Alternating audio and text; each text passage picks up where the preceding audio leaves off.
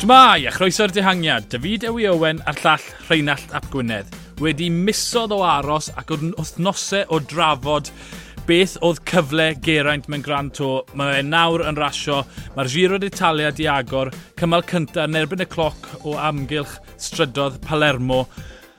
Filippo Ganna, atha hi, dwrnod dau Geraint i Yates ar gweddill y ffefrynnau mewn bach o bicil. Ond dechreuwn ni dy Filippo Ganna o'r heinall, pencabwr y byd yn dangos i bawb ta fe yw'r cyflymau yn erbyn y cloc. O, yn sicr. Ar ôl i berfformiadau yn Tireno ac wrth gwrs yn ennill y pencabwriaeth yn erbyn pawb arall yn y byd gyda'r Cris Enfys yna. Ie, yeah, oedd dim syndod o gwbl uh, gweld i berfformiad, bod, racso pawb arall. Uh, a bod, fel nes ti weid ar, ar y raglen heddi, am boi mor fawr bod, 6-3, mae fe'n edrych mor hyfryd ar feic. Uh, falle bod e'n fantes, achos tyma, mae beiciau yn erbyn y cloc yn fwy na beic hewl, felly mae'r ma felly gan mwy o tyma, ddal ar y peth, dwi, dwi ddim yn gwybod, ond ie, yeah, oedd e'n ddim syndod o gwbl, ond ie, yeah, gret i weld e yn cario ymlaen yn wych yn erbyn y cloc does da ddim cynnwrf yn yn gorffu e wrth trafod hyn, o, nid mewn ffordd gwael, ond oherwydd bod yn gwbl ddisgwyliedig. Mi unisodd mm. e o 22 eiliad, achos oedd e'n fod. Twyd, mae gan, okay, mae popeth yn gywir, mae gan e wedi cael y Cris Pink, dau am fe, achos ta fe'r gore, okay, mae hwnna mas o ffordd na. Mewn, mewn ffordd, twyd, busnes oedd e. Oedd yeah. angen i gan e ennill, twyd, er mwyn dangos y Cris, a dyna beth ddigwyddodd. Chwarae teg i fe. Um, Symud mlaen i um, ras y dosbarthiau cyffredinol. Nawr, Almeida, Jao Almeida, dath o nynlle i gael yr amser gore, a wedyn Geraint yn gorffen eiliad tiole.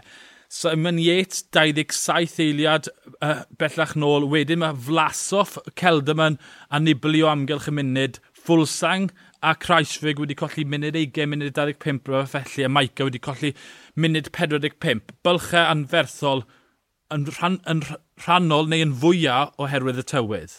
Ie, yeah, fi'n credu oedd Geraint yn ffodus iawn uh, y cyfnod ath e mas o gofio uh, y gwynt pa math Rowan Dennis mas, o ti'n lli gweld e yn, uh, yn chwythu trwy'r cod ac yn hyrddio'r olwyn ddisg na'r chwythio'r dde, oedd e'n methu mynd lawr ar y troibas, chwaith, ond pan dath Geraint mas, oedd y gwynt wedi gwstegu a fe allodd e performio fel bydde fe wedi disgwyl, tbo, gydol y cwrs, hefyd Yates, a ti'n ni wedi trafod sut mae Yates wedi gwella yn ebyn y cloc.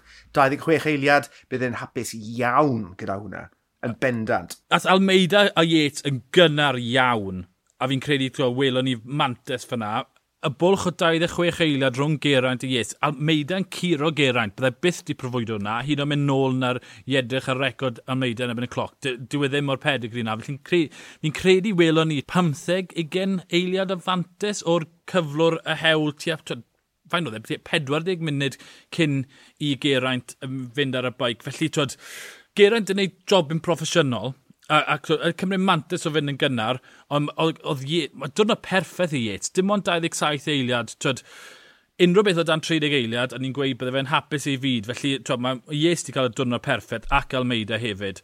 Felly mae Geraint just i wneud, Geraint i wneud yr hyn mae'n disgwyl, colli 22 eiliad i Ghana, o'r, or ffennodd yn hwyrach na fe. Bydd Geraint yn bles, bydd Simon Yates wrth ei fodd, achos beth ddigwyddodd y gweddus. Welon ni'r ni arwydd cyntaf gyda Flasoff yn colli 57 eiliad. A wedyn, twyd, Celd yma'n, o dechrau dydd, o'n i'n meddwl, ddim yn colli 10 eiliad i Geraint. Mm. Munud y 5 eiliad, yeah. angon, beth sy'n mynd mlaen fy hyn, a wedi gweld Nibali'n dod mewn munud y 6 eiliad, Fulsang, munud 25. O, oh, oce, okay, mae'r gwynt i gystegu. A, a, a 45 eiliad fyna, o leia, wedi colli yn y gwynt Tw, mae wedi chwethu bant oherwydd y cyflesterau newydd. Na fi'n credu bod nhw'n gwneud cangymeriad ofnadw, os byddai, os byddai un o Fulsang Celdyman, byddai'n gandryll gyda'r tîm. Achos o'n i'n gwybod bod nhw'n chwethu, o'n i'n gwybod beth, twed, ddo, beth oedd y tywydd yn mynd i fod heddi, oedd yn chwethu yn y bore, ganta'r Sirocco yw e, a mae'n gostegu yn, yn, yn, yn y prynawn. Dwi'n ddim yn galed iawn, a mi hwpon o'r holl reidwyr na ar, ar y diwedd yn lle dod nhw'n gynnar fel Yates a Geraint, a mi gollon nhw amser. Ba'r tîm. Ie, yeah, um... E, right, dwi, dwi, dwi heb edrych mewn gormod am, am y gwynt, ond, ond dwi'n gweld y sefyllfa y gwynt yn wahanol i na. Fi'n gwybod ti'n gweud gwynt o'r cefn, ond na, o, pa, pan bydd y gwynt yn chwythu, e, oedd e'n hyrddiadau o bob cyfeiriad. Felly, pam oedd y gwynt yn chwythu, oedd e'n anoddach i'r beicwyr na pam oedd e ddim yn chwythu. Bo, na, nath Almeida weid, gath e syndod, oedd y gwynt yn anrhagweladwy, gydol i rediad e. Oedd e'n dod o bob cyfeiriad, felly mae hwnna yn dangos pa mor wych oedd e a'i befformiad. I, I fi, mae ma, boes fel Nibli a Fulsang yn enwedig, bo, chwythu yn dwy mach yn o'r mewn rasis yn erbyn y cloc. Celdam yn ges i syndod â hwnna, a bydd rhaid i fi fynd nôl i weld yn union beth oedd y tywydd weld pam nath e fynd. Ond o beth o'n i yn, yn gweld ar y sgrin, pan bydd y gwynt yn chwythu, oedd e'n neud y sefyllfa, reit, o ti'n cael bach o chwythiad o'r, or cefen, ond oedd yr olwyn risg na, fel wedes i, a mynd chwyth dde, chwyth dde, chwyth dde. Felly, um, sa'n credu bod e mor syml â hynny o ran gwynt yn y bore, dim gwynt yn y prynhawn. Neis bod ni'n angytuno am y byllwaith. Um, yeah, creu tensiwn. Ond um, Wel, ie, yeah, fi, fi, fi uh, wedi neidio ymlaen i'r theori gwynt wedi gostegu. Ie, yeah, oedd e'n fwy technegol, oedd e'n anoddach, ond nhw'n cael rhaid ar y gwynt yn y gyr rhaid nhw'n neu'r hongi ymlaen ac aros lan. Ond, ta, wylwn ni camp yn at yn cwmpo ar y dechrau, wylwn ni Simon Yates bron yn colli gornel. Ond diwn ddim yn newid y ffaith. Geraint, e, dyna solid, bydde, okay, dyna beth y ddisgwyl. Mm Yates a Almeida yeah. yn neidio lan a lawr yn mynd, woho, mae'r giro'n fyw, a mae'r gweddill yn mynd, mae rhaid nhw meddwl am gynllun newydd, yn enwedig Astana, Astana, tîm cryfa'r ras gyda Fulsang, Vlasov a Lopez. Fulsang colli bron o fod munud hanner, Vlasov yn colli munud, a Lopez mor anlwcus, mor anffodus. Do lan i'r pwynt, ail bwynt am seri ar y hewl ac y, cornel syth ar ôl ni. Do mas o'r traibas i fynd ar y cyrn ac yn bwrw twll yn hewl ac yn mynd syth trwy'r barriers ac yn goffod gadael y ras. A jyst mor anffodus. Neb i faio. Mae, e just, mae rhywbeth fyna yn digwydd yeah. ambell waith, ond oedd e'n drist i gweld a mae Lopez wedi goffo gadael y ras. Ie, yeah, wel, mae pawb yn gwybod pa mor effernol mae lot o hewlydd uh, yr eidl. Tio, bydde wedi bod yn syndod tas rhywbeth fyna ddim wedi digwydd heddi, falle. Ie, uh, yeah, diwrnod trychu nebus i Astana Fulsan, fel ti'n gweud, colli gymaint o amser a colli, ti'n mo, rhywun pwysig iawn iddo fe yn y mynyddodd. Felly, lot o ailfeddwl, lot o drafod ar y bws heno uh, yn hym astana. Ie, Yep, um, bydd rhaid nhw'n dod lan y cynllun newydd. Uh, symud mlaen i gymal 2 fori, cant a hanner kilometr ar yr fordydd Sicilia um, o Alcamo i Agrigento. Mae e'n mynd lan y lawr ychydig yn dydd yn dim dim traffaeth i unrhyw un o'r ffefrynnau. Cymal i'r punchers, cymal i'r gwybr sy'n gallu dringo. Uh, yr un o mowr sy'n sgrechau mas ato fi yw Michael Matthews. Dyma'i gymal fe i golli. E. Ie, yeah, dwi wir yn edrych mlaen at ddiweddglo fori. Mae'r sprint lan rhyw yma, lle, lle dyw'r graddiant ddim yn ridiculous, ond mae'n jyst yn ddigon i, i ofyn cwestiwn. Mae ma nhw wir uh, yn ddiddorol i fi. Matthews yn sicr, Fefryn Mawr, oedd Sagan yn ddiddorol heddi yn seithi lan y ddringfa yna, uh, yn ceisio mynd am y Cris Brenin y mynyddodd, yn ail ddath ei Rick Sabl yn y diwedd. Felly mae hwnna'n glir i weld bod, bod e a mhm. zip mm -hmm. lan rhyw. Yep. Felly gawn ni weld rhwng y ddau ohonyn nhw. Ie, yeah, fi, fi di anghofio braidd amdano Sagan, oherwydd oedd e ddim gant y cant yn y tŵr. Falle, twyd, be welwn ni yw bod e'n ffrwythloni nawr yn y giro, a welwn ni'r Sagan cywir, mm. nid yr un Sagan welwn ni yn y tŵr a blynyddoedd.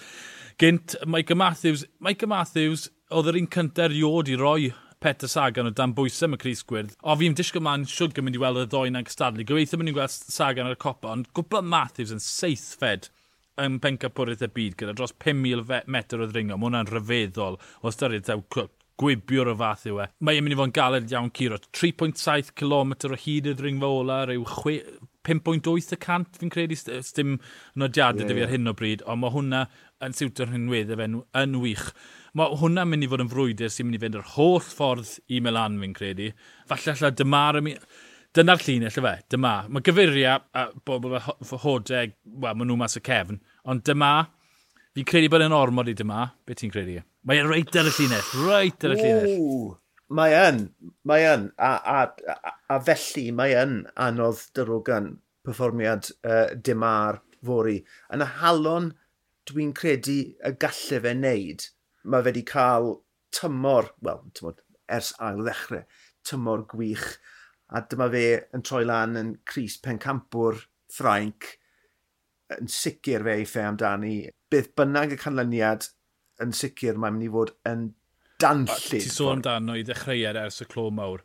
Mae'r ma, rhan fwy o'r pelton proffesiynol, so maen nhw'n enll naw ras mewn gyrfa, yn yrfa rhyfeddol. Mae gwybwyr, os maen nhw'n hmm. ennill mm. naw ras mewn tymor, yn dymor rhyfeddol. Mae dymadi ennill naw ras yn mis awst dyna faint mae'r coesau dan dy fe. Felly to, mae un un arall sy'n dod mewn yn ffrwydro ar hyn o bryd. Felly ie, yeah, mae'n ofyn ar y llinell ochr arall, to Diego Lisi, ddim cweith i'w o'n caled i Diego Lisi, petasau mwy o fryniau'n gynarach falle bydd cyfle dy fe, ond ie, yeah, mae e reit ar y ffina, Mathis y gorau yn hwnna, Sagan dyma, dyle fe fod yn ddiweddgo blasus. Mae yna rasio arall yn digwydd, um, fi heb cael cyfle i wylio, ond beth arall sydd wedi bod yn digwydd yn myd y bike sedd i? nôl ymlaen o'n ni uh, yn gwylio y giro heddi a'r Bink Bank Tour, wrth gwrs, yr uh, cymal, fe ola o'n di, ni we? Neu ola?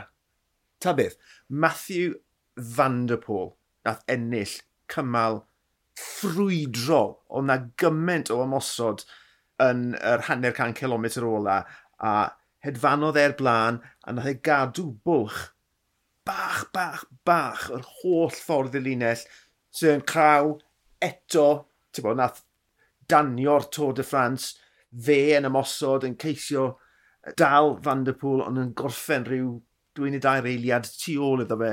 Dwi yn sicr, achos bod y race pass gyda fi, dwi'n mynd i fynd nôl i wylio'r falle'r hanner can kilometr ola yna yn fyw mewn prombache, achos yr hyn weles i o'r flico nôl ymlaen, oedd e'n anhygol o ras, felly um, yeah, mae hwnna'n rhywbeth dwi'n edrych mlaen i weld. Ond Van der Pŵl, fab. Fel arfer, pam ni'n ni recordo hwn tyd, dros y Skype, a fel arfer mae Rheinald yn eitha chilled out, a mae, mae jyst yn eistedd nôl, a fi sy'n chwifio am freichau. Dylech chi, dyl chi di gweld hwnna, oedd ei freichau fe mynd, oedd e'n tynnu lluniau gyda'i ddwylo fe, a so'n amlwg bod hwnna wedi tanio, fi'n mynd i wylio hyn o, a mae'n, ie, yeah, odd, mae'n bleser cael gymaint o rasau. Mae Liege fwrdd yn dwi e?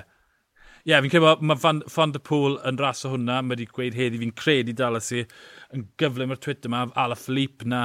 Ie, yeah, os yma ma gymaint o rasio, ni ddim yn mynd i fod yn dal amlan. Ond um, fori, ie, yeah, crynodeb o gymal 2 wedi'r cyfal a falle Liege, Fason Liege. Yn amffodus, um, bydd y pod mas bach yn hwyrach, uh, ni methu recordio tan um, mi nos, felly disgwyl gweld y pod mas marciau 8 fi'n credu, neu falle 9, yn hytrach na yn syth ar ôl y cymal fel, fel ni'n arfer wneud. Ond ie, yeah, mae'n bleser cael drafod, cael trafod giro lle mae Geraint yn disgwyl dda, lle mae'n yna gystadleuaeth, a lle mae'n yna gwestiynau, a lle mae'n ddigon o rasio i ddod dros y tair wythnos nesaf. Ond o fi Dewi Owen a'r llall Rheinald Ap Gwynedd, ni'r dihangiad, hwyl.